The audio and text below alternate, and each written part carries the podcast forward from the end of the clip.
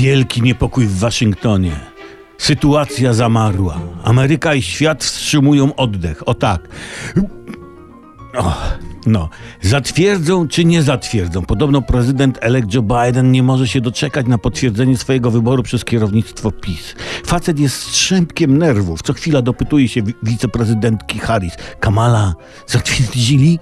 Zatwierdzili? Jeszcze nie, Joe, panie prezydencie. To kiedy? Bo ręce mi się tak z nerwów trzepocą, że nawet nie chcą się spocić. Patrz, jakie suche. Może są zajęci, Joe, nie? Mówi ta, ta Kamala. Nie, teraz podobno dzielą Mazowsze na starsze i młodsze, pelargonie czy tam chryzantemy skupują. Patrz, kwiatki Kamala kupują, a mnie nie chcą kupić. I odchodzi biedny Biden do toalety, żeby nikt nie widział, że płacze z powodu braku zatwierdzenia go przez PiS. Tymczasem w kierownictwie PiS trwają narady dotyczące relacji z nowym prezydentem USA, który niesłusznie wygrał wybory, staczając Stany w otchłań demokracji i spokojnych stosunków ze światem. Konkretnie, jak przeczytałem w internecie, chodzi o to, co zrobić z propozycją nazwania bazy wojskowej Fort Trump. O Fort Biden w PiSie nie chcą słyszeć.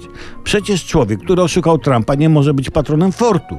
I powoli rysuje się koncepcja, żeby zerwać z Ameryką w ogóle i bazę wojskową nazwać Fort Dziwisz. by dać poparcie komu trzeba i wyrazić sprzeciw wobec oszukańczych wyborów USA. Żeby kurczę, to się tylko nie skończyło tym, że baza wojskowa u nas będzie się nazywać Fort Putin. Więc może by ktoś podrzucił prezesowi Snickersa, co?